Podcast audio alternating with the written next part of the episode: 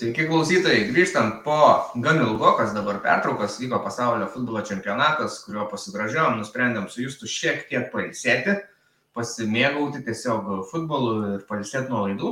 Bet šį savaitgalį prasidėjo vėl Bundeslygos sezonas ir mes grįžtam ir grįžtam su e, specialiu svečiu, tai daktarų, istorikų, Lietuvos gyventojų genocido ir rezistencijos tyrimo centro generaliniu direktoriu Arūnu Bugniu. Sveiki. Tai labai malonu Jūs e, čia kalbinti mūsų laidoje. Esate pasižymėjęs istorikas, atlikęs labai rimtus, e, įdomius tyrimus ir reikšmingus Lietuvai, Lietuvos istorijai. Ir tuo pačiu žinom, jog esate ir futbolo fanas, didelis mylėtojas. Tai, na ir turbūt e, užduosim tą tradicinį klausimą, kurį užduodam visiems savo klausytojams. Tai nuo ko prasidėjo ta meilė futbolui, kokia, buvo ta pirmoji pažintis su futbolu? Na, meilė prasidėjo turbūt 1974 e, metais, kai vakarų Vokietijoje vyko pasaulio futbolo čempionatas. Ir tada jau pradėjau sąmoningai stebėti tą čempionatą, e, varžybas. Iš pradžių aš daugiau sirgau už Braziliją, nes Brazilija dar buvo aktualus, aktualus tuomet čempionas. E, ir, ir, ir visi tenai pažįstami, sakykime, paaugliai, vaikai daugiausia sirgo už Braziliją, tai ir aš už Braziliją, bet čempionato eigoje kažkaip tai prasidė, įvyko tokie pokyčiai ir gal pagrindinis tai buvo pusfinaliai, kai, kai pusfinaliuose žaidė, žaidė vienam pusfinalį Kruifo vedama Olandija, žaidusi labai nuostabų tokį totalinį futbolą ir sugebėjo berots 2-0 nugalėti Braziliją pusfinalį o kitam pusfinaly žaidė vakarų Vokietija su, su Lenkija. Lenkija tuomet taip pat labai žaidė gražų ir, ir, ir gerą futbolą. Ten buvo tokios ypatingas mačas, atrodo, Frankfurte ir Remaino, nes buvo labai didelė liūtis ir atrodė, kad iš vis, iš vis tos rungtynės neįvyks, nes ten jos įvyko gerokai pavėluotai, gal po valandos ar daugiau laiko ten, žodžiu, su tais volais bandė, bandė tą, kiek įmanoma vandenį iš, iš vėjos iš, iš, išsiurbti, iš, išvalyti, žodžiu, su dideliu pavėlavimu įvyko rungtynės. Ir tada vakarų Vokietija nugalėjo Lenkiją irgi, kiek atsimenu, 2-0.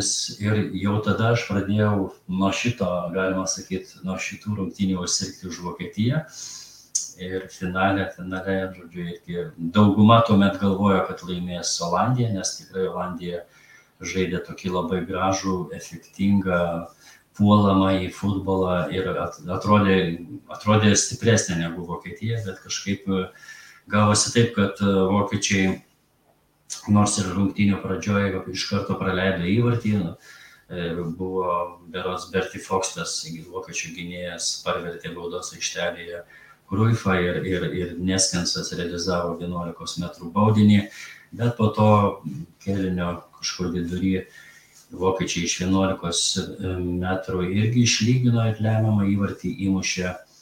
Pirmo kelinio pabaigoje, berots įmušė kasgi kitas, jeigu ne Gerdas Mülleris, nacijos bombonešis, pramintas nacijos bombonešiu ir ir, ir antrą kelinį labai smarkiai atakavo Olandai, turėjo daugybę progų, bet fantastiškai sužaidė vokiečių vartininkas Zepas Maieris, kuris irgi buvo ir Müncheno Bavarijos, ir, ir, ir, ir vakarų Vokietijos rinktinės e, tuo pačiu irgi vartininkas pagrindinis ir, ir galima sakyti, jo dėka Vokietija tapo, išsigelbėjo antram kelnį ir tapo pasaulio čempionė. Ir jau nuo to laiko jau aš pradėjau tvirtai sirgti už, už vakarų Vokietiją. Visą laiką tai buvo mano komanda numeris vienas ir, ir tokia ir išliko ir po šiai dienai.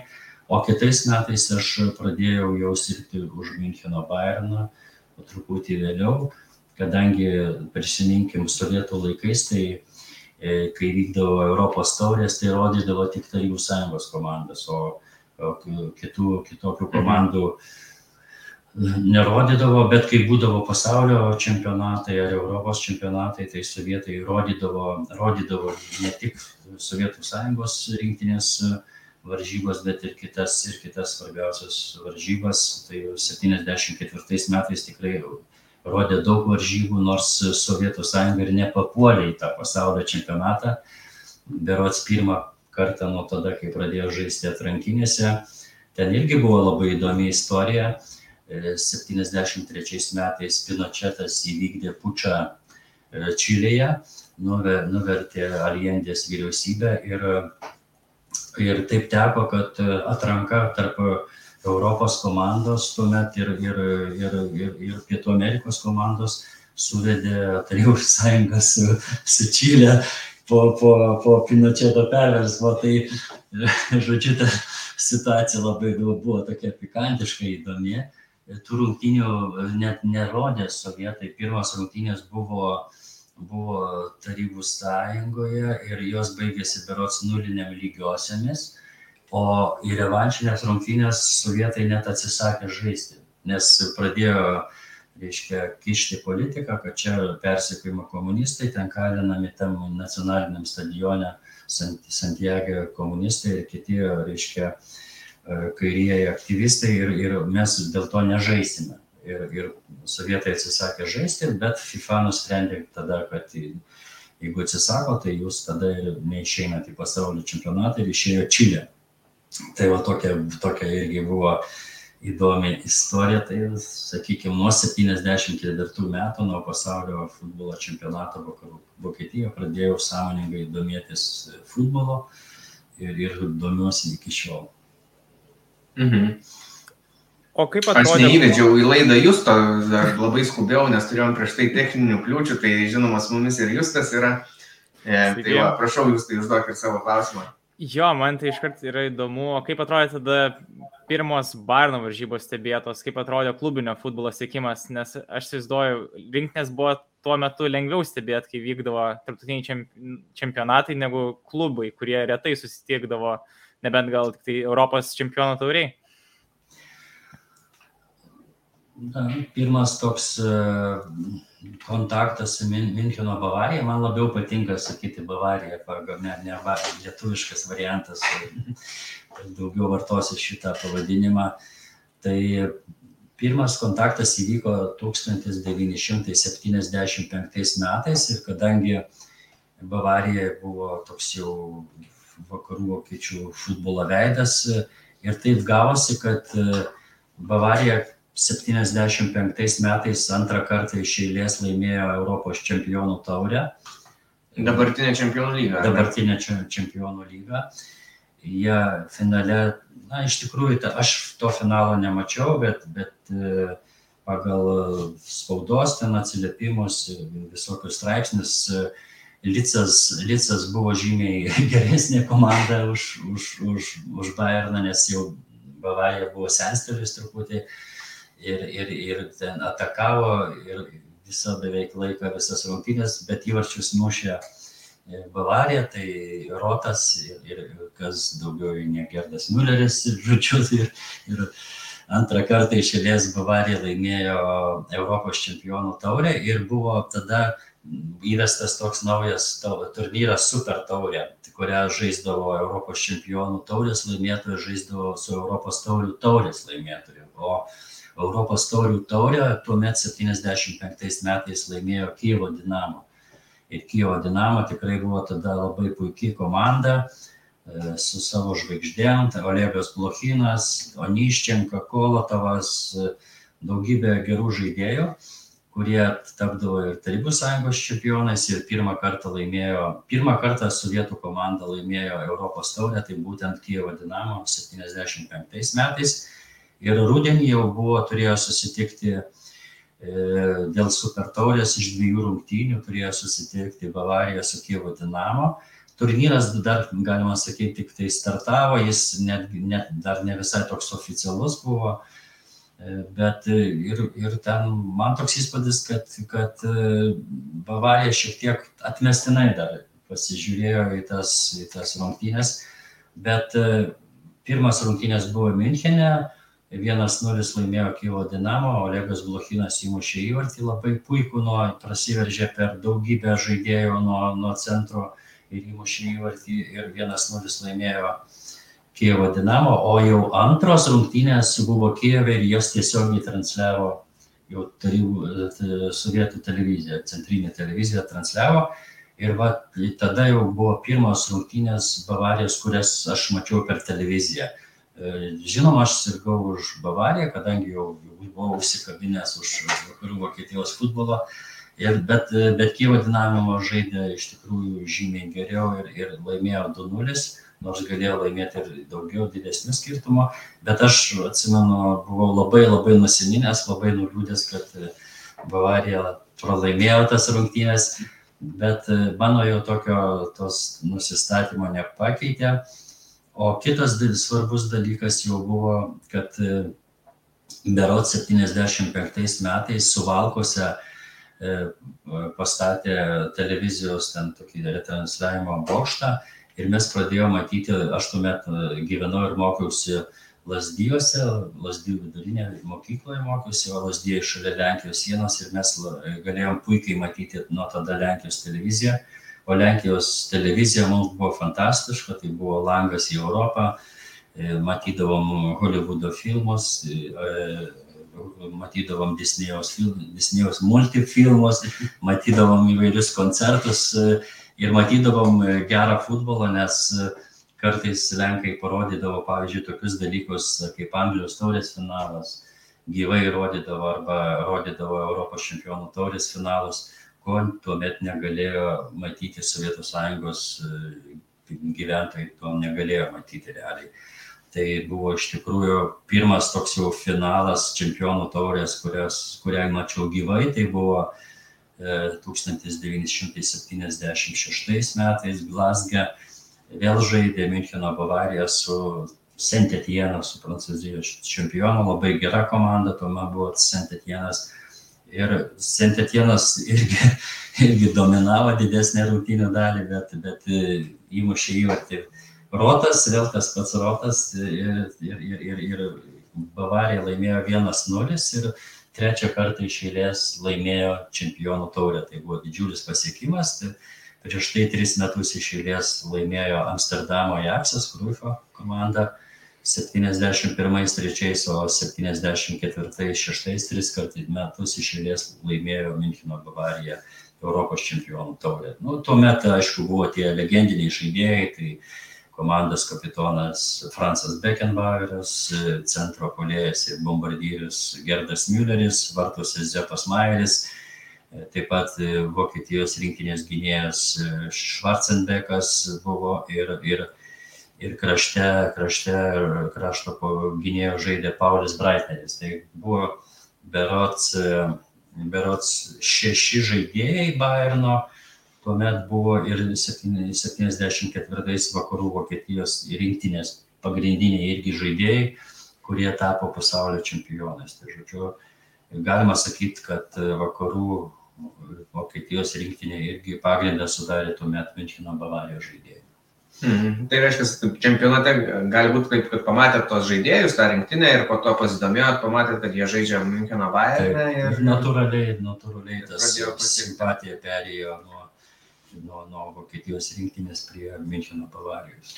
O paminėjo tris iš eilės e, dabartinės, sakykime, čempionų lygos titulus, e, paminėjo antrąjį prieš Leeds United, tada trečiasis buvo prieš Santieną. Ir pirmasis buvo irgi ne ką mažiau įspūdingas, žinau, kad jūs žinote tą istoriją su Madrido atletiko. Taip. Tai va, apie šitas gal rungtynės savo prisiminimus kažkokius. Aš, aš, jos, aš jų nemačiau dar 74 metų tų, tų dar, dar nerodė, nerodė, man atrodo, ir Lenkijos televizija dar tų rungtynių 74 metų finalo, bet iš literatūros, iš tų visokių prisiminimų, tai iš tikrųjų tai buvo labai, labai dramatiškos rungtynės.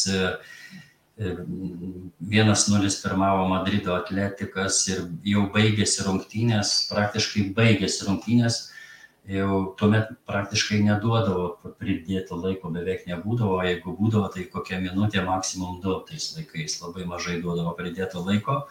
Ir, ir, ir aš prisimenu tokį aprašymą, mano tik, tik neatsimenu kokioje knygoje, bet iš futbolo memoarų, žodžiu, jau baigėsi visiškai laikas, 1-0 pirmauja Madrido atletiko kamolį gauna, gauna Georgas Schwarzenbeckas, gynėjas, kuris labai, labai retai pereidavo centro liniją, labai retai, nes, nes paprastai Beckenbaueris libero žaidė poziciją ir dažnai eidavo į, į, į priekį ir, ir, ir, ir skirstydavo kamolius ir, ir dažnai pereidavo į varžovų aikštės pusę, o Schwarzenbeckas niekada, beveik ne, jis vykdavo, taip sakoma, saugoti, saugoti savo savo, savo liniją gynybinę ir beveik niekada nesiverždavo už, už baudos linijos.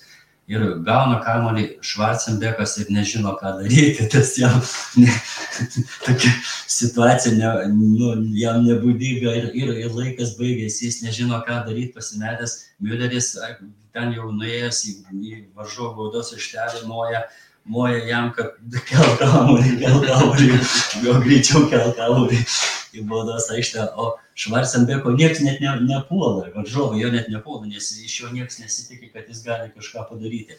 Ir jis il, eina, eina su kamuoliu, eina, jo niekas nepuola.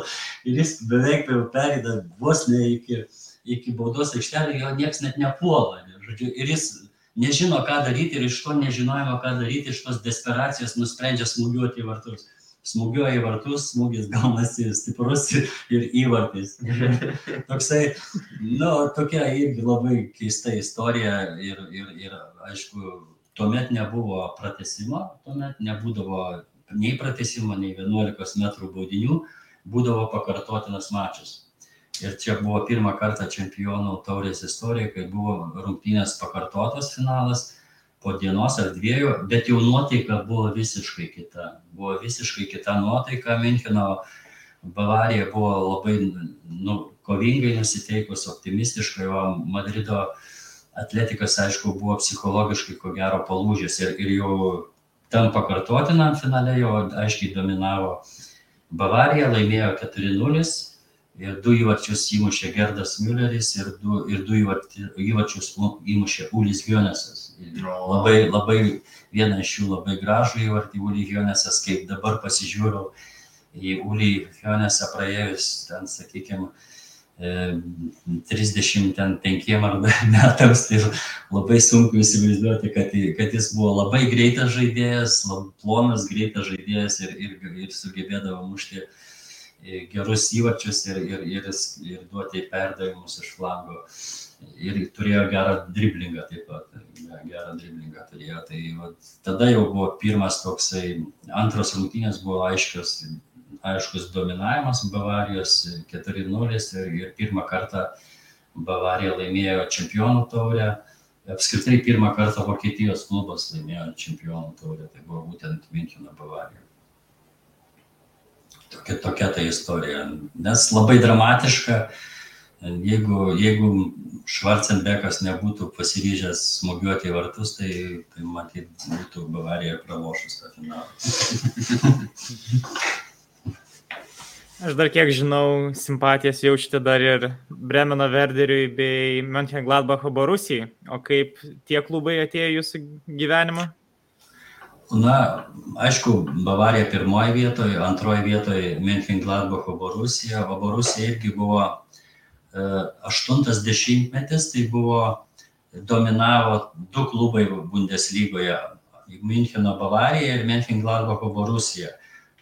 Pakaitom čempionais tapdavo arba vienas, arba kitas klubas. Tai skaičiuojant nuo 69 metų, kai Müncheno Bavarija tapo čempionu, po to du metus iš eilės Borusija, po to tris metus iš eilės Bavarija ir po to tris metus iš eilės Borusija. Tai žodžiu, penkis kart tapo Borusija ir keturis kart e, e, Bavarija. Tai žodžiu, jo nieks kitas neįsiterpdavo į kovą dėl čempionų vardo, tik tai dalindavosi šitie du klubai. Kadangi Borusija irgi žaisdavo Europos taurės, tai aš natūraliai už ją sirgdavau ir man labai įsiminė tas 1977 finalas čempionų taurės, kai žaidė Liverpoolis ir Mönchengladbacho Borusija pirm, pateko, pirmą ir vienintelį kartą pateko į čempionų taurės finalą ir, ir 3-1 pralošė Liverpooliui. Aš buvau, kadangi aš Liverpoolio buvau beveik nematęs, o daugiau matęs šiek tiek daugiau Borusiją, tai aš, aš buvau įsitikinęs, kad tiesiog buvau įsitikinęs, kad laimės Borusija, nes pusfinaliai Borusija žaidė su Kievo Dinamo, su ta pačia Kievo mhm. Dinamo, kuris 75 metais taip lengvai sutvarkė Bavariją. Ir, ir, ir tada pirmas rungtynės laimėjo Kievo Dinamo namuose, o antras rungtynės, kurias rodė ir sovietų televizija, 2-0 laimėjo Menchengladbacho Borusija ir išėjo čempionų taurės finalą. Tikrai buvo gera komanda, ten Alanas Simonsenas, Danas Bonhofas, pasaulio čempionai, Bonhofas, Fokstas gynėjas irgi pasaulio čempionas. Tačiau buvo, buvo gera komanda ir kažkaip aš taip įsivaizdavau, kad jie turėtų, turėtų laimėti čempionų taurę, bet didžiuliam nusivylimui dėja jie, jie, jie pralašė tas rungtynės. Tai man tas buvo tas toks, sakyčiau, labai didelis nusivylimas, nes aš kažkaip tikėjau, kad jie laimės. Na, o, pas, o Verderis tai jau buvo žymiai vėliau. Verderis irgi buvo savo laiku irgi stipri komanda, kartais tapdavo Bundeslygos čempionu, bet, bet aš labiau gal užsikabinau už Verderio 2005 berots metais. E, turėjau tokią stažuotę Bremeno universitete, Rytų Europos institute du mėnesius. Rudenį, mhm. lapkričio, lapkričio gruodžio mėnesiais, o kaip tik pa, tą sezoną prieš tai Verderis tapo Bundeslygos čempionu. O aš atvykau jau, buvau tenai 2005-2006 sezonas, tai 5 metų lapkričio, lapkričio gruodžio mėnesį ir tokia situacija, kad vienas, vienas aišku, gyveni ten tokiam bendrabutį, neturi su kuo bendrauti, labai liūdna ir, ir, ir vienintelis toksai išganimas tai yra savaitgaliais yra futbolas, Bundesliga. Neprastas išganimas. ir kadangi Verderis, kadangi beveik du mėnesius buvau Bremene, tai lankiau visas rungtynės, namų rungtynės, tai buvo, bilietus nebuvo labai sunku gauti, e, o, o, o, o, o kainos irgi, sakyčiau, nebuvo kažkokios labai, labai didelės ir tai buvau berots keturiose Bundeslygos rungtynėse ir vienose čempionų lygos rungtynėse labai įspūdingoje, įspūdingose rungtynėse, kur Verderis namuose žaidė su Briuselio Anderlechtu. Gerai prisimenu tas rungtynės. Ir man papuolė taip, kad aš sėdėjau sektorijoje prie tokios plastikinės permatomos sienos. E, sėdėjau aš, ten kiti sėdėjo žmonės, aš buvau su Verderio šaliku, o už, už tos plastikinės sienos buvo, e, buvo Anderlechto ultros. ultros. Ir jie jie tenai visą laiką labai visai tyčiojasi iš, iš, iš Bremenos ir galio ir aš aišku irgi jie mane, kad aš irgi esu vokietis ir, ir mes ten pastoviai su jais, pastoviai su jais, sakykime, taip kaldavomės žodžiais. Žodžiu, ir, bet kas man labai įsiminė iš tų rungtinių, 2-0, tada žaidė Klozė, be net toks garsiausias žaidėjas buvo polėjas mhm. Miroslav Klozė, Bremeno Verderį. Ir e, pirmavo 2-0, 2-0 pirmavo Verderis, tada įmušė Anderlechtas ir jau jie visai ten džiugauja, le, leidžia petardas, ten jau tyčiojasi iš mūsų maždaug. Ir, ir, o aš jiems taip parodau, tuomet, kai jie ten džiugauja, aš jiems parodau, o tai bus 5-1, aš jums rodau, tai penk, bus 5-1.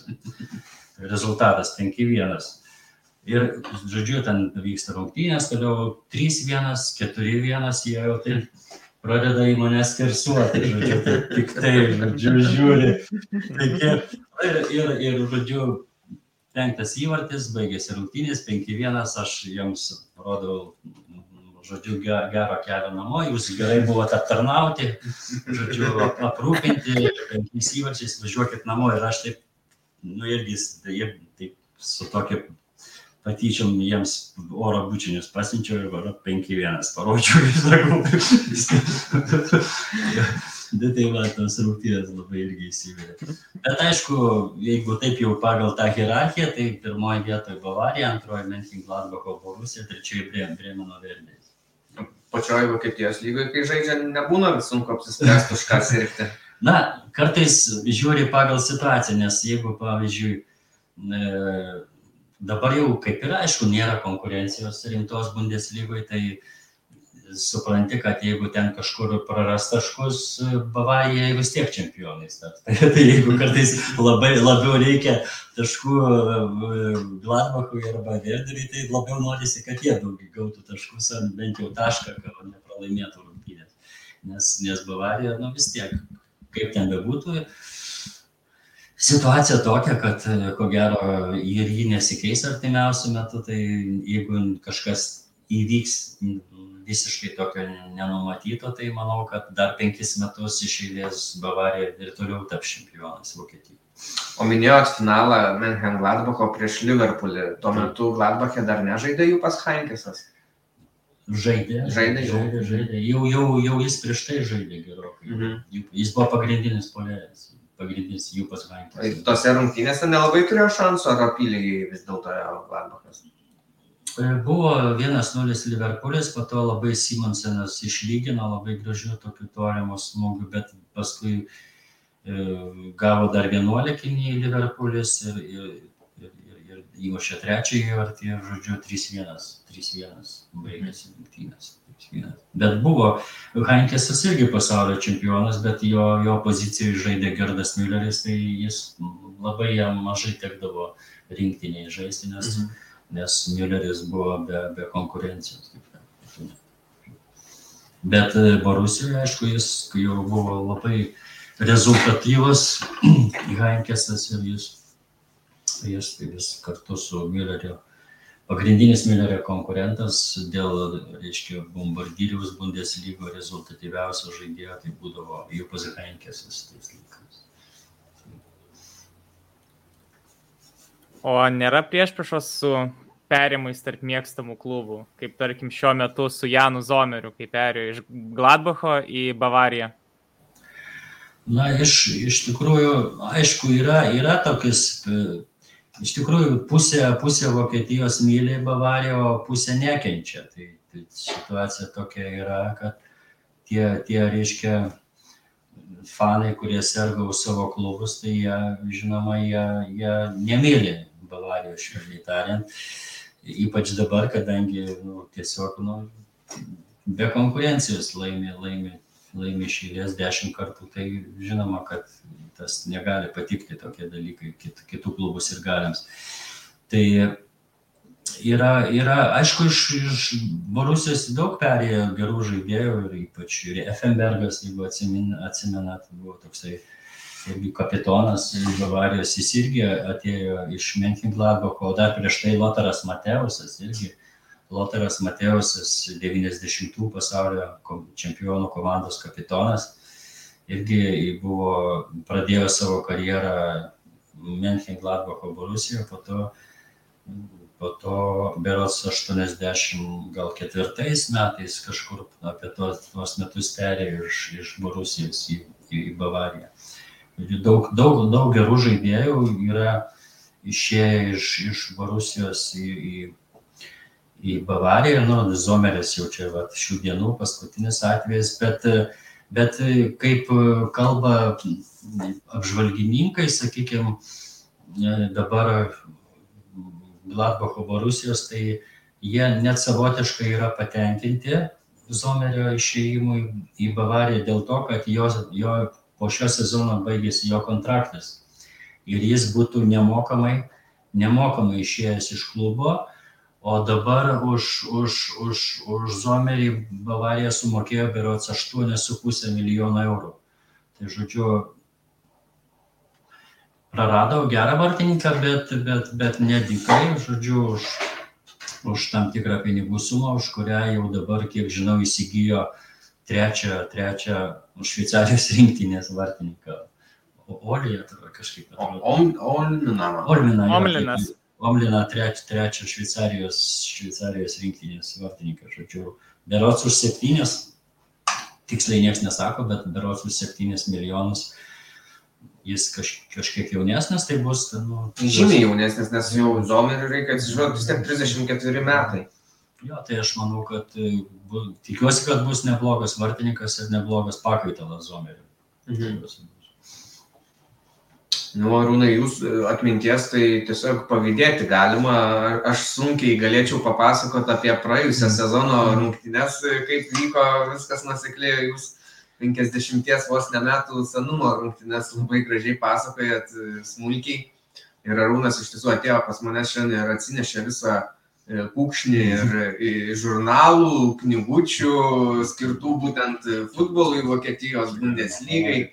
Šiu, šiu, šiam sezonui 22-23 metų, kiekvienais metais prieš sezoną Kikeris, pats svarbiausias e, Vokietijos sporto žurnalas, išleidžia tokį specialų Bundeslygai skirtą numerį. Tai aš jau turiu nemažai tokių numerių, gal apie 20 savo kolekcijų namuose, tai čia yra labai gera statistika ir, ir apie visas komandas, apie rekordus, apie viską, žodžiu, puiku, puikia informacija, tik, žinoma, vokiečių kalba, bet, bet skaičiai tai yra visur skaičiai ir nesunku galima suprasti ir, ir, ir, ir, ir, ir vokišką. Ten gal labiau kamerą. Vokišką variantą. Ir plus dabar labai technologijos yra pažengusios, tai galima vertėją įsijungus e, fotoaparatą telefonį ir tą vokišką tekstą tiesiogiai iš nuotraukas verčia į lietuvių kalbą. Tai praktiškai be problemų galim skaityti tokius žurnalus ir, ir, ir nemokant vokiečių kalbos. E, kalbant apie šito žurnalų, sakot, apie 20 metų ar ne maždaug perkat, e, kokius dar va, tokius kaip istorinius dalykėlius e, susijusius su futbolu galbūt kaupiat, renkat, kažkaip kolekcionuojat gal? Na, aš pradėjau nuo iškarpų, bet kadangi įsivaizduokit tais laikais sovietmečių, tai buvo toks vienintelis Sovietų sąjungoje laikraštis futbol, savaitraštis futbol, o paskui kurį laiką jį pavadino futbol hockey, žodžiu, ir futbol, ir, ir hockey. Ir tai aš to, tą laikraštį kažkur pradėjau, pradėjau pirkti maždaug, maždaug nuo kokių 75 metų pradėjau. Jis buvo savaitraštis, jį būdavo galima spaudos kioskuose įsigyti, nors mažuose miestuose, kad ir lasdyjuose, tai gal būdavo gaunami kokie du trys numeriai tai tikrai būdavo sunku gauti nes būdavo žmonių kurie kurie norėdavo nusipirkti ir, ir ne visada pasisekdavo, pasisekdavo gauti tą laikraštį, kadangi nu, per, per nelik mažai gaudavo mažuose miestuose. Tai aš ten jau skaitydavau, jau pramokau rusų kalbą, pradėjau skaityti, nes tai buvo vienintelis futbolo laikraštis visoje Sovietų sąjungoje, toks jau rimtesnis o paskui kai pradėjo rodyti lenkijos televiziją šiek tiek pramokau lenkų kalbą ir maždaug nuo kokių septyniasdešimt galbūt kokių aštuntų metų pradėjau prenumeruoti e, prenumeruoti Lenkų pilką nožną, toks irgi savaitraštis futbolo ir, ir, ir, ir aišku, ten visokius darydavau nuotraukų, iškarpas ir, ir, ir buvo labai geras labai geras tiem laikam buvo e, Čekoslovakijos žurnalas Stadion, irgi savaitraštis ir ten būdavo, tam kiekvienam beveik numerį būdavo kokios nors futbolo komandos nuotrauka. E, ir, ir ten ne tik čekų, bet būdavo įvairių Europos komandų mm. nuotraukos, tai, tai ten, žodžiu, jau būtinai, jeigu gaudavau ten numerį, tai į tą nuotrauką įsikirpdavau ir į savo į tokią batų dėžę didelę dėdavau, kad tarpindavau tas iškartas ir, ir, visokias ir, ir nuotraukas. Tai turiu aš tą, tas batų dėžės įsaugojęs ir, ir po šiai dienai turiu didelę kolekciją įvairių, ir, įvairių rinktinių ir rinktinių ir, ir futbolo klubų nuotraukų. Nežinau, ką aš su juom daryti ateityje, bet, bet tiesiog jeigu būtų koks muziejus, tai tik perdočiau, nes, nes dabar nu, taip yra, kad mano, mano sūnus nesidomi futbolo, tai, tai o kolekcija labai didžiulė, keliasdešimt metų, tai tiesiog įvairių žurnalų ir, ir, ir nuotraukų, ir straipsnių, ir knygų, tai kažkaip, kažkaip ne, nesinorėtų, kad šitas turtas prapultų. Ir gal reiktų net su kokiu pačiu Bairnu pakalbėti, jiem gal būtų įdomu, jie tai pas savęs turi daug visko, o pavyzdžiui, ką sovietinė spauda rašė, tai galbūt ir netiek daug žino. E, o klausimas tada dar, ar toje sovietinėje spaudoje, lenkiškoje, rusiškoje, ar užtekdavo, būdavo kaip informatyvi ta informacija?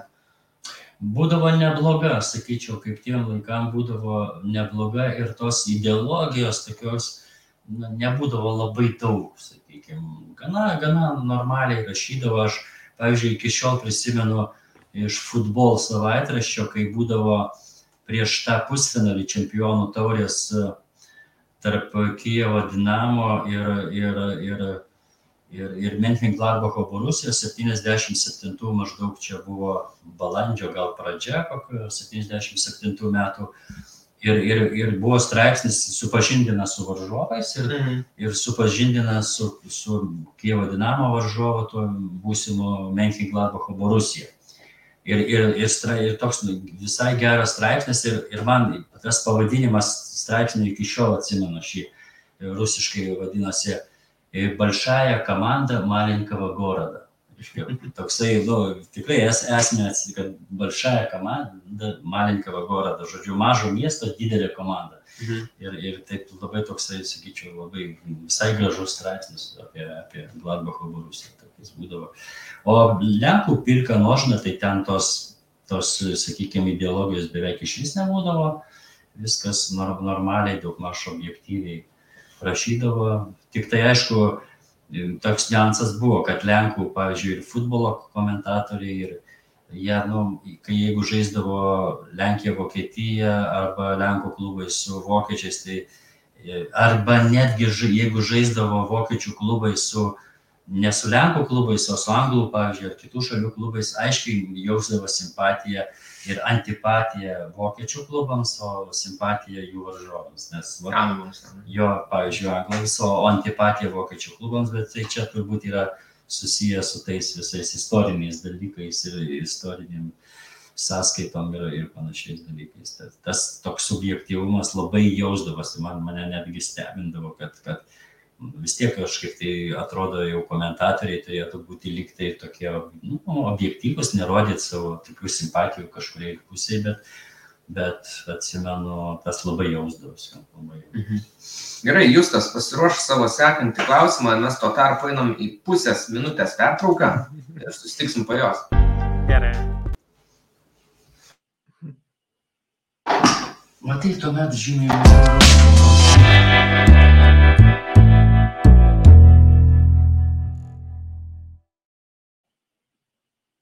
Žaidžia kažkas kitas, pradedi, tai, tai yra, nu, tiesiog nelieka, nelieka, žinai, tai viskas susimaišo, nelieka, tai įvyko.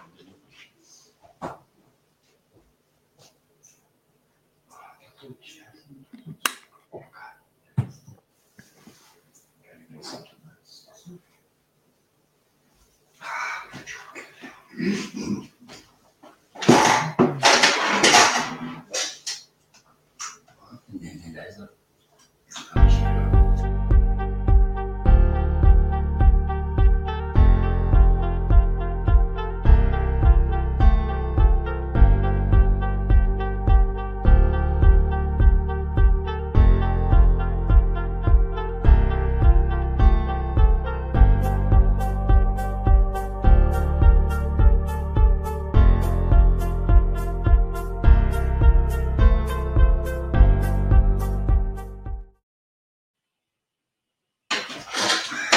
Grįžom į eterį. Tiek daug kalbėjom, e, klausomės ir atimo istorijų, kad šiek tiek išžiūva burna, tai pasipilstam, kas ko norim. Ir galim tęsti laidą, tai jūs tai prašau, užduok savo klausimą. Nu, manau, reikia kažkaip gal pabaigti su istorija, tai paklausti reikėtų ir žiūrovai, matau, domėjusi. Tai kokie buvo vis dėlto mėgstamiausi žaidėjai iš senų laikų ir koks gal dabar būtų iš dabartinių žaidėjų pats mėgstamiausias jums? Na, iš turbūt mėgstamiausias gal visų laikų Bavarijos žaidėjas man ko gero yra Karlas Heinzas Riumenigė.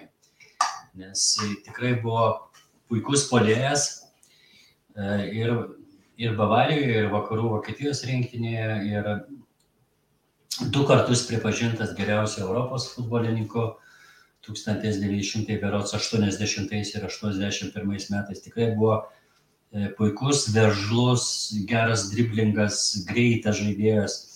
Labai ir, ir man jis tikrai padarė didžiulį, didžiulį įspūdį ir nežinau, čia gal tokie, tokie kaip sakoma, sentimentai yra, jaunystė, kaip būdinga žmonėm. Tai man, man gal visų laikų toks mylimiausias žaidėjas Bavarijos ir, taip, ir geriausias, kurį aš laikau turbūt geriausias, vis tik tai gal yra Karlas Heinzas Rumenygė, o iš dabartinių laikų tai man patinka turbūt Jozuo Kimikas labiausiai. Aš, aš pats kartais dar pažaidžiu futbolą ir visada beveik žaidžiu e, dešinio gynėjo pozicijoje, tai man kažkaip tai jis šitą poziciją patinka, nu jis dabar daugiau saugas, saugas bet, bet, bet jis vis tiek ilgą laiką žaidė dešiniam krašte gynėjo, tai man, man būtent gal ne tik dėl to, bet tiesiog jaunas, protingas žaidėjas, naudingas žaidėjas komandai labai, tai iš dabartinių gal labiausiai patinka Kimikas. Ir Tomas klausė labai panašaus klausimo, top 5 mėgstamiausi visų laikų pasaulio žaidėjai, tai na, vertinant ne vien tik Bayerno žaidėjus, tai apskritai, apskritai ar Rimenigė vis dar išliktų tada pirmoje vietoje, ar ne? Ne, aš taip visų laikų tokių geriausių žaidėjų. Mėgstamiausia. Ai, mėgstamiausia geriausia tai aš laikyčiau vis tik tai Pelė, geriausia mhm. visų laikų žaidėjo. Amžinatas nesenai prieš naujus metus mirė tikrai legendinis futbolo karalius, labai gaila. Bet jeigu taip, mėgstamiausia. Mėgstamiausia, taip jūsų. Penki. Mm, reikėtų pamastyti, nes labai, labai, labai, aišku, būtų įeitų ir Rumenigė, įeitų Berndas Šusteris, jis žaidė Kielne ir paskui Barcelonoje ir paskui Leverkuseno Bairį. Mhm man labai patiko toks saugas šviesiaplaukis blondinas, toks labai simpatiškas vyras, Berndas Šusteris. Tik tai jam nepasisekė su rinktinė, kadangi jis ten ir su treneriu susipyko ir kažkaip ir jo neimdavo į rinktinę ir jis tada, kai 80 metais Italijoje Vokietija tapo Europos čempionais, tada, tada atrodė bus komanda, kuri ilgam dominuos, nes nes žaidė Rumenigė, žaidė Šusteris ir daug kitų žaidėjų gerų. Bet po to čempionato e, Šusterio karjera rinktinėje ir baigėsi. Mhm. Nors tuomet jis buvo dar labai jaunas, 20 gal kokių vienerių ar dviejų metų ir atrodė turi puikias karjeros galimybės, bet, bet su rinktinė jam nesusiklostė reikalai. Tai, va, sakyčiau, šitie Rumenigė, e, Berndas Šusteris, jeigu tai dar pagalvot. Aišku, platinį, manyčiau, Mišelis platinė. Kažkaip ir pietų amerikiečių aš ten nelabai myliu, nors buvo ir Maradona, ir, ir kitos ten žvaigždės, bet, bet, bet, jų, bet jų nelabai. Galbūt, ai, Romarijo, turbūt Romarijo. Mm. Romarijo iš Barcelonos ir Brazilijos rinktinės. Tai jau keturi, ar ne? Aha. Keturi Romarijų, reikėtų gerai pagalvoti. Ir galbūt Simonsenas, Alanas Simonsenas, Danas, geriausias 77 metų Europos futbolas. Ja. Alanas Simonsenas. Nu, manau, žiūrovai, kurie galės pasigūglinti kai kuriuos žaidėjus, bet, bet turėkit omenyje, Arūnas žino, ką kalba, reiškia, buvo tikrai labai geri žaidėjai.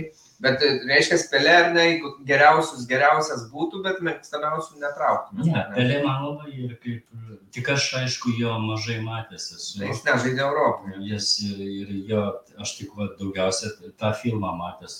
Tai pelė dokumentinis filmas, kuris man padarė labai didžiulį įspūdį, gal aš kokius septynis kartus jį žiūrėjau. Čia turbūt tas senas. Senas, jo. Mhm. Ir, ir, ir tada iš tikrųjų supratau, kodėl, kodėl jis laikomas geriausiu visų laikų futbolininku. Ir, ir man po, po to filmo abejonių dėl to nekylo. Nes iš tikrųjų ir per šį čempionatą pasaulio kilo daug diskusijų, kas geriausias ten visų laikų futbolininkas, Messi, Ronaldo, tada galbūt ne dar kitas Ronaldo, Brazilas, e, Maradona ir Pele, na, sakykime, tokie pagrindiniai variantai dažniausiai skamba.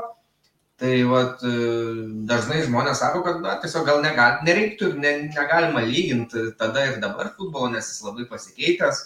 Ir tuomet buvo tie geriausi, dabar tie, bet jūs, ar ne, taip e, tvirčiau sakot, kad jums bent jau pelė, ar ne? Pelė, nes aišku, negalima laikyti tų greičių, to atletizmo, kuris buvo prieš 50-60 metų ir dabar, bet pagal žaidėjo įtaką komandai, mhm. žaidimui, anų laikų komandai mhm. ir žaidimui, ir pagal nuopelnus, kad tris kart tapo pasaulio čempionu, tai vis tik tai, man atrodo, jam lygių nėra, kaip mhm. ten bebūtų.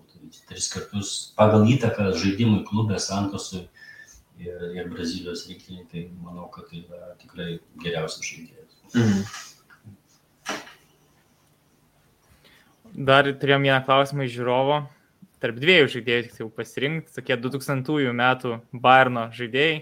Tai kas jums buvo mėgstamesnis ar geresnis, tai Giovanas Elberas ar Rojus Makajus? Na, gal labiau Elberis, nes jis vis tiek yra ir žiūrint pagal jo, sakykime, rezultatus, jis vis tik tai daugiau rungtynių sužaidė, daugiau įvarčių pelnė negu Makajus Elberis ir gal jo tokia vis tik tai žaidimo maniera, tokia daugiau buvo braziliška, techniška, labiau galbūt ir. Tai jeigu reikėtų rinktis arba Elberį arba Makajų, tai pranašumą atiduočiau Elberiui. Pranašumą atiduočiau. Mhm. Ir galų galia jis buvo e, tos komandos sudėti, kuri 2001 laimėjo čempionų taurę praėjus tiek daug, daug, daug, daug metų nuo paskutinio karto, nuo 76 metų, ilgai man teko laukti, labai labai teko ilgai laukti, kol vėl Bavarija taps Europos čempionais ir, ir, ir kiek čia metų praėjus, 76, 24, praėjus 25 metam, vis tik tai sulaukiau, kad Bavarija vėl tapo Europos čempionė ir Elberis, Elberis irgi buvo vienas svarbiausių tos komandos žaidėjų šalia Oliverio Kano ir Effenbergo. Mhm. Effenbergo. E, turbūt nemažai per gyvenimą teko aplankyti stadionų, rungtynių, gyvai pamatyti, tai kokios buvo pirmosios Vokietijos rinktinės arba Vokietijos e, komandos, Bundeslygos komandos rungtynės, kurias matėt gyvai stadione? Tai ko gero tai ir buvo Bremeno Verdė. A, tai reiškia jau po 2000. Jau 2005 rudenį, mhm. turbūt lapkričio mėnesį, pirmas rungtynės, kurias gyvai mačiau Vokietijos komandos, tai buvo, tai buvo būtent Bremeno Verdė. O kokius dar tada stadionus vokiškus esate aplankęs? Esu buvęs, aišku, Münchene, Alijansą, esu buvęs München Gladbache, Borussia Park stadione, Ir, aišku, ir esu buvęs e, Berlyno olimpiniam stadione. Mhm. Kas žaidė? Tuomet žaidė, čia buvo visai nesenai, gal 2000, prieš COVID, 2000 turbūt 18 ar 19 metais žaidė Hertha su Mönchengladbacho Borusija. Lygos rungtynės buvo? Lygos mhm. rungtynės ir kiek pamenu, 0-0 baigėsi tas rungtynės. 0-0 baigėsi. Ir kuris stadionas taip labiausiai patiko įspūdį paliko? Na, pirmas įspūdis gal buvo, buvo vis tik tai tas pirmas įspūdis didžiausias buvo Bremenė, nes tiesiog buvau labai tokiai, labai liūdna buvo, nes nebuvo su kuo bendrauti ir, ir, ir tiesiog nu, net pasišnekėti nebuvo su kuo normaliai ir, ir kažkaip ateini į stadioną, čia dainos, spalvos, garsai, muzika, fanais. Ir man nu, tokį trenkia taip į smegenis iš karto, va, net apsiverkinu, vos neapsiverkiu. Aš tenai, nu, kaip lyg būčiau iš kalėjimo kažkur išėjęs į kažkokį laisvę, į kažkokią šventę patekęs. Tai padarė didžiulį įspūdį. Ir Müncheno, Müncheno alijanso stadionas pirmas kartas, tada, kai mes visi kartu buvom kai įeini į vidų, ten iš tikrųjų irgi akis įsiplečia, nes toks kaip kosminis laivas kažkoks tai toks surrealistinis vaizdas atrodo labai irgi didelį įspūdį padarė. Mm. Allianz arenai tikrai tada aš atsimenu, taip įeini, atrodo nieko ten nėra, pro tokį įėjimą tarpą ir tada aplink tiesiog minia, ūžia, ošia. Nerealus, nerealus jausmas, greitai pakartosim, galim priminti, kad vasario 26 dieną bus rungtynės Allianz arenai prieš Berlyno Unioną, tai vat, mes vykstam visi su klubu ir Justas ir aš ir Arūnas, tai žiūrėsim, gal kokį specialų reportažiuką padarysim dar iš Minkeno. O ką dar norėjau pasakyti, kaip tik Arūnas atėjo šiandien pas mane ir priminė, sako, kad Bayerno gimtadienis bus vasario 27, ar ne? 27. Tai būsim kaip tik per Bayerno gimtadienį Müncheną, tai irgi nerealu. 123 metai bus. O. 123 metai klubui.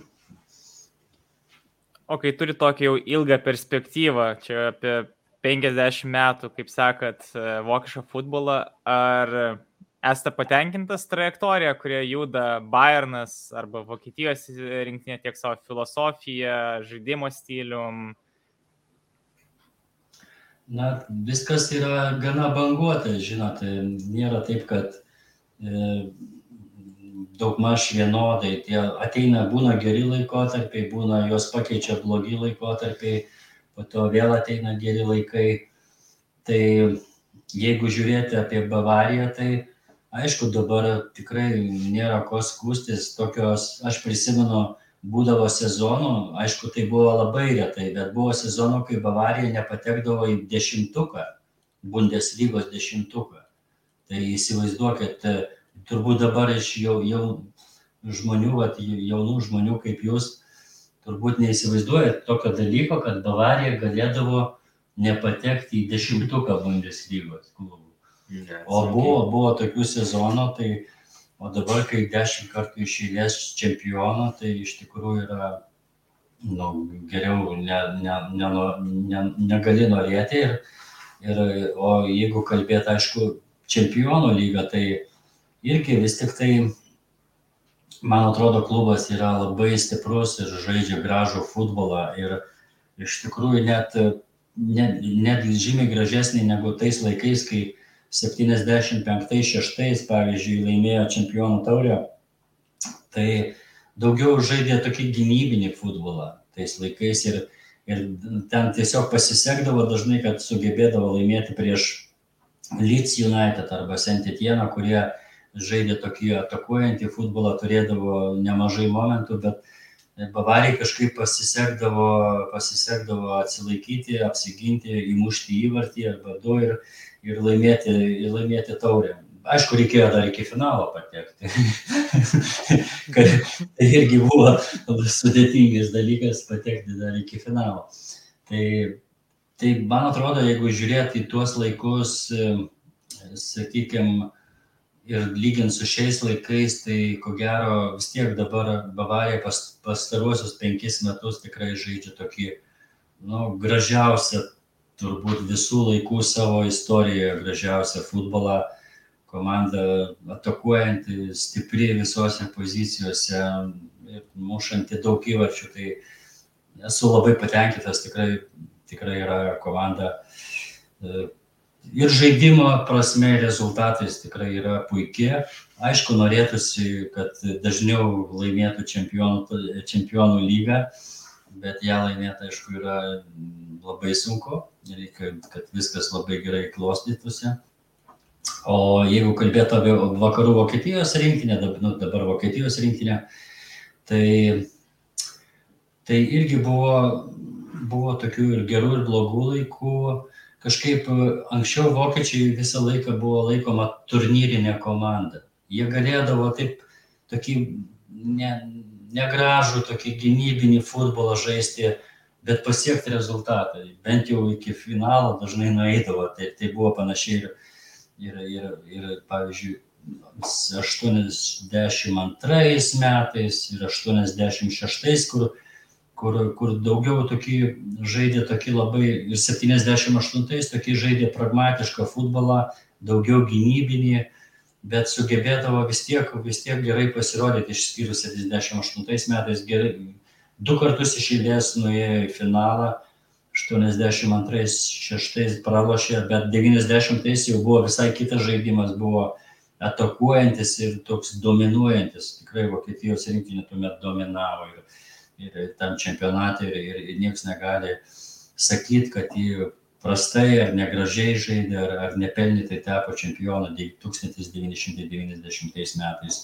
Po to, po to vėl buvo tokių laikotarpių krizinių ir, ir gana gilių, gilių, gilioj krizėje, paskui tik tai nuo 96 iki, iki 2006 berots metų toks buvo nu toks buvo tamsus laikotarpis kai buvo tiesiog komanda neturėdavo jokio pasiekimo paskui Bet du antrais pateko į finalą. ai tiesa pateko jo pateko teisybė į finalą nors irgi ten kaip sakoma toks nu toks Bet ten buvo netikėtas tai toks- pasiekimas jau. Ne, jau buvo, sakyčiau, labai netikėtas pasiekimas. Tai, na, dabar tie du paskutiniai čempionatai, aišku, labai liūdni. Ir, sakykime, ypač, ypač šių metų, tai aš nesuprantu, kaip taip galėjo atsitikti, kad komanda neišeis iš pogrupio. Man, man tiesa labai mažai teko matyti ši, šito čempionato rungtynę, nes darbas ir tiesiog darbo metu negalėdavau žiūrėti. Tai vienintelės, kurias normaliai žiūrėjau, tai buvo Vokietija, Ispanija, tikrai buvo geros rungtynės. Ir, Ten gerai žaidė. ir Vokietija ir gerai žaidė ir, ir, ir aš kažkaip aš nelabai suprantu, kaip taip galėjo atsitikti, kad neišeiti iš grupės. Tai va, tas, tas, turint tokią komandą, turint, sakykime, gerus žaidėjus, gerą sudėtį, tai yra, yra ne, nesuprantamas dalykas, kodėl taip atsitiko, kad komanda neišėjo net iš grupės. Na, bet gal ten buvo įvairių priežasčių, čia vieni nurodo kaip tokią vieną svarbę priežastį, tai tai, kad komanda buvo išbalansuota šiek tiek psichologiškai, kai vietoj, kaip sakoma, tos visos akcijos, tos poli- politinės akcijos, ten tos burnų sirišimas ir panašiai, kur žaidėjai buvo įvelti į, sakykime, į, į politinius tokius dalykus ir galbūt po to išbalansuoti, nes, nes buvo visokių nuomonių, kad, kad tai neturėtų žaidėjai to demonstruoti čempionato metu ir panašiai. Bet tai čia gal jau daugiau vadybos, sakykime, komandos e, vadovybės klaida negu pačių žaidėjų. Bet aš taip vis tiek galvoju, kad e, tikrai yra daug talentingų žaidėjų ir, ir, ir komanda turėti, turėtų turėti neblogas ateities perspektyvas. Mhm. Minėjot, kad anksčiau ir Vokietijos rinktinė ir Bayernas žaisdavo labiau pragmatiškai, gynybinių ir apie 90-osius rinktinę pradėjo gražiau žaisti. E, Bayern irgi maždaug tuo metu įvyko tas pokytis ar, ar kitų laikų maždaug. Na, gal vis tik tai tas toksai pokytis ne tik Bundeslygos mastu, bet europinio jau, europiniam Mhm. lygmenį.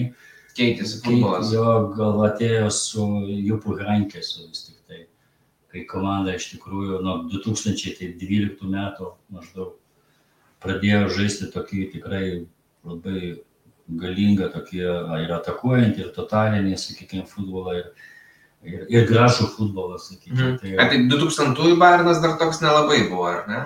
Dar, dar, dar, dar netoks, sakyčiau, Mhm. netoks, ne, netokį gražų futbolą kaip dabar žaidžia, sakykime, netokį. Mhm. Čia galbūt tos pasikeitimas su, ar su, su Heinkesu ir su ta jauna karta, su, su Milleris, su, žodžiu, ir, ir, ir, ir, ir legionieriai, ir Robenas, Ribery, ir, ir šitą, ir, ir kiti žaidėjai įnešė tokį jau kitokį, kitokį, kitokį, mielesnį, sakykime, akiai futbolą. Bet, sakykime, Vokietijos rinktiniai ir dar praėjęs čempionatas taip pat buvo nesėkmingas, irgi iš grupės neišeita, tai kažkokios yra, na, turbūt gilesnės bėdos negu ten vienkartinis politinis pareiškimas. Tai kaip matot jūs, ar kažką išvelgiat, kas ten yra negerai ir kaip būtų galima tai pakeisti, kokia kryptim ta Vokietijos rinktinė turėtų judėti, kad išliptų iš tos dobės, kurioje dabar yra. Na, tas čempionatas 2018 Rusijoje, tai man atrodo, ten jau buvo buvusio trenerio, kaip pasakus, e, buvęs treneris jau per daug toks įspūdis, kad jie- jo rankos ne- nelabai ir jautėsi vadovaujant komandai ir, ir, ir, ir kažkaip tai galbūt jis jau buvo ir įsikvėpęs, ir kūrybinė prasme, Mhm. įsikvėpęs, ir, ir žaidėjai kaip ir, ir geri, ir visa kita, bet, bet ne, nebuvo, nebuvo kažkokios, nebuvo tokio nusiteikimo, kad, kad tikrai mes, kaip sakoma, labai norim kažką laimėti. Nebuvo, gal čia ir kartu problema, kad, nu, sakykime, jauni žaidėjai, jie daug ko domisi, didelės galimybės, uždirba pinigus, ne, ne, nebuvo, dingo ta vokiška dvasia, sakykime, ta tradicinė vokiška dvasia, kad e, kovoti iki paskutinės sekundės, iki paskutinės, Mhm. nesvarbu, ar tu, reiškia, ar tau pralaimi ar laimi, tu kovoji iki paskutinės sekundės, nenusileidai. O to kovingumo komandai tokio trūko ir, ir, ir praeitam čempionatui, ir šitam čempionatui trūksta kažkokio tas, tos tradicinės tokios kovingos vokiškos dvasios. Man atrodo, va čia, čia tokia yra pagrindinė problema. Mm. O kodėl jos trūksta, irgi sunku pasakyti, gal tiesiog kartų kaita ir visa kita, bet, bet vis tiek po 18 metų fiasko aš manau, kad žaidėjai turėjo, turėjo turėti motivaciją, kad reikia pasirodyti gerai, kad e, reabilituotis už tą ne- nevykusį 18 metų čempionatą. Bet kažkaip irgi, nusakau, aš mačiau vienas rungtynės, nemačiau tų dviejų kitų grupės rungtynių, bet, bet kiek iš suprantu iš tokių aprašymų tiesiog toks kažkoks buvo toks pasyvumas, per nelik didelis pasyvumas ir, ir, ir, ir, ir nesugebėjimas perlaužti rungtynių tuomet, kai reikia perlaužti. Mm. O kas anksčiau vokiečiams būdavo būdinga, kad jie buvo kovingi, net jeigu jiem nesiseka, pralaimi, jie sugebėdavo vis tiek kovoti ir dažnai sugebėdavo perlaužti rungtynės, kurios jiem nesėkmingai klostėsi. Va, O šito, va, šitai, šių, šių laikų komandai to trūksta labai. Labai trūksta. Na, jūs tai turite dar klausimų? Mm, ką dar čia liko, nebent kokios dar būtų prognozijas šitam sezonui, Bayernui. Na, aišku, Paryžius labai stiprus varžovas čempionų lygoje, nes aš manau vis tiek Bundesliga mes laimėsim bet kokiu atveju. O svarbiausias tikslas turėtų būti čempionų lyga. Mano nuomonė, svarbiausias Mhm. tikslas čempionų lyga. Paryžius labai stiprus varžovas, bet, bet manau, kad įmanoma įveikti, nes Neimaras, kaip pasakius, Neimaras gali gerai sužaisti, bet gali šiaip sau sužaisti. Neaišku, kokia, kokia, kokia diena jam papuls. Mbappé labai geras. Mesis, kaip pasakius, Mesis vis tiek, aš manau, po, po pasaulio čempionato, kur jau jis viską atidavė tenai ir, ir gal, jam, gal jam šiek tiek ir vidinės motivacijos gali Mesijui pritrūkti po, po, po pasaulio čempionato, nes nu, vis tiek Argentina jo komanda yra, o pasiža, tai sakykime, komanda, kuri jam moka didelius pinigus. Tai o ne, o ne, ne jo. Labai geras O pastebėjimas. ne tikroji meilė, sakykime, o, o, o komanda, kuri moka didelius pinigus ir, ir neaišku, kiek, kiek, jis, kiek jis iš tikrųjų atsiduos tam žaidimui, ar, ar, ar savam lygmenį, ar žemiau savo lygmens. Tai iš tų trijų žvaigždžių, tai aišku, BP yra toks, sakyčiau, pats pavojingiausias, man, nes jis jaunas, geras, trokštantis titulų, o Neimaras ir Mesis, nežinau, kokia bus jų motivacija ir tos dienos forma. Būtent tos, kokia bus tos dienos forma, neaišku. Tai žodžiu, vardai labai skambus, viską, bet, bet, bet tai nereiškia, kad, kad, kad, kad, reik, kad reikia galvoti, kad neįmanoma jų nugalėti. Manau, kad įmanoma nugalėti. Jeigu, jeigu Bavarija žais taip, kaip gali žaisti, net ir be Lewandowskio, nes Čiupomotingas visai neblogai pakeičia, sakyčiau. Gal komanda dar atrodys universalesnė šiek tiek be Lewandowskio negu su Lewandowskio polime turiu omeny. Tai, tai manau yra šansų nugalėto, nugalėjus Paryžių, tai, tai tada realiai aš, nu, aš nematau be Manchester City, ko gero aš nematau tokios komandos, kurie kuri tikrai gali labai labai yra stipri ir labai, ir kurią būtų nei, nu, vos ne, neįmanoma nugalėti. Tai, tai liktų Manchester City, bet aišku, Manchester City gali su kažkuo susitikti ir netikėtai pralaimėti, kaip visada, kažkokiam kitam varžovui. Visada būna taip. Kaip, taip iki šiol kaip būdavo. Tai aš kažkaip galvoju, kad turim šansų laimėti čempionų lygą ir reikia labai stengtis tai padaryti. O kalbant apie kitas Bundeslygos komandas, kaip manot, ar gali kuri nors komanda nustebinti vat, sezono pabaigoje, kai jau bus galutiniai rezultatai, ar kažkurį iš tų išsišokelių, kurie dabar yra ten europinėse vietose, kaip Freiburgas, Unionas, kitos, ar išliks, ar vis dėlto susidarys tas tradicinis, kur Dortmundas, Leipzigas, gal ten koks Bayeris, ar dar kažkas, Gladbachas, Eintrachtas. Na, sunku prognozuoti, nes dabar dabar tas Freiburgo ir Berlyno Uniono pozicijos, kaip sakoma, netikėtas, yra pernelyg aukštai negu buvo prognozuota. Manau, kad jos turėtų nusmukti šios mhm. komandos ir aš abejoju, kad, kad pateks į ketvertuką Unionas ir, ir Freiburgas, vis tik tai abejoju, kad jie pateks į ketvertuką. Vis tiek daugiau, daugiau šansų duočiau gal vis tiek, nu, Dortmundas, Frankfurtas, Leverkusenas, nors, nors jie prastai, sakykime, prašiau atrodo negu, negu, negu, negu įprastai turnyriniai lenteliai, bet aš manau šitie klubai kils. Aišku, Berlyno Unionas, na, net meščiau, kad jie gali pakovoti dėl ketvirtos vietos. Net meščiau šitą mm. dalyką. Nors jiems bus labai sunku ketvirtą vietą. Supratau. Na, truputį nušoksiu nuo temos, bet vis tiek, kadangi jau pati pabaiga pokalbio ir mes turim dar vieną klausytojo klausimą, tai mums būtinai reikia užduoti klausytojo klausimą. Tai Vitalis klausia, kaip manot, kodėl Vokietijos futbolininkai nėra labai populiarūs kitų šalių lygose? Na, pakankamai nedaug jų žaidžia kitur. Na, anksčiau vokiečiai apskritai mažai, retai išleisdavo savo žaidėjus ir ankstesniais laikais į užsienio klubus tokia tradicija buvo, kad vis tiek stengdavosi, kad saviškiai žaistų Bundeslygoje. Taip, tokia būdavo mhm. nuostata ir, ir retai, kam pavykdavo savo karjeros viršūnėje išvykti į užsienio klubus.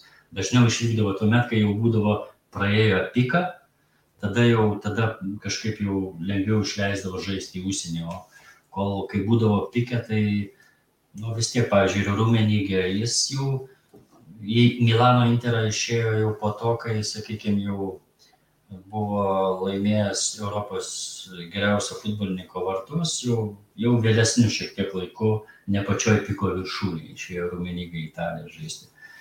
Ir, ir panašių atvejų buvo ir daugiau. Nežinau, vat, sunku pasakyti, gal čia vienas momentas tokia tradicija, kitas dalykas gal, gal vokiečių kaip ir nelabai vakarų Europoje vokiečiai nėra labai gal mėgiami kaip apskritai, kaip tauta. Tai ir tai susiję su istoriniais dalykais, su dviem pasauliniais karais, ypač antrų pasaulinių karų, kaip yra, yra ir, ir anglai, ir prancūzai jaučia tam tikras, nu, ir italai iš dalies jaučia tam tikras resentimentus, ne, blogus prisiminimus iš istorinių įvykių ir, ir, ir ko gero nu, čia labai sunku tai pasakyti, bet aš manau, kad tie istoriniai resentimentai galbūt irgi turi tam tikrą įtaką. Turi tam tikrą įtaką, kad nu, mieliau įmami brazilai, sakykime, argentiniečiai arba, arba sakykime, prancūzai, žaidžiantys įvairių šalių lygiuose negu, negu vokiečiai. Aš svaršiau šio klausimu, tik nežinau irgi ar teisingai, tai vat pasidalinsiu, kad galbūt dar yra ir aspektas iš jų pačių pusės asmeninės, kad yra kažkoks prisirišimas galbūt didesnis negu kitų tautų prie savo namų kultūros, kuri yra, na, išskirtinė, galbūt labiau išsiskirianti ir savita negu aplinkui. Ir tas, na, Riumenigės po piko keliavimas į Interą, tai ir Matiausas keliavo irgi į Interą, Klinsmanas Brots, ne, irgi Klinsmanas. Kažkur buvo jis. Irgi buvo Inter. Irgi Inter. Tai va, tas Intero kryptis buvo labai populiari ir, na, žiūrint į žemėlapį, Milanas nuo Müncheno tai labai arti yra pakankamai. Tai tai irgi, na, toks norėjimas likti galbūt arčiau namų nes girdėjau ir apie Kai Havertzą su Werderiu, kad jie Anglijoje ten irgi tai, tai valgo kažkaip kitaip, ten ar garstyčių saldžių įsideda, ten dar kažko, na ir visiems vos ne kažkokia nuostaba yra, kad ką jie čia daro kažkaip ne taip. Nu, tai toks galbūt išskirtinumas jiems irgi nesinori palikti tos pažįstamos aplinkos labiau negu kad kitiems žaidėjams iš kitų tautų. Nors, kaip pasakius, vokiečiai gana tokia dabar kosmopolitiška yra tauta ir pavyzdžiui, skirtingai nuo prancūzų, ispanų ir italų, vokiečiai nu, gerai kalba angliškai, visi beveik kalba angliškai, nėra problemų jiems su anglų kalba, jie gali žaisti, nu, mokėdami anglų kalbą, bet kuriam Europos klube gali žaisti, o skirtingai nuo, sakykime, italų, ispanų, prancūzų, kuriems anglų kalba yra sudėtingiau.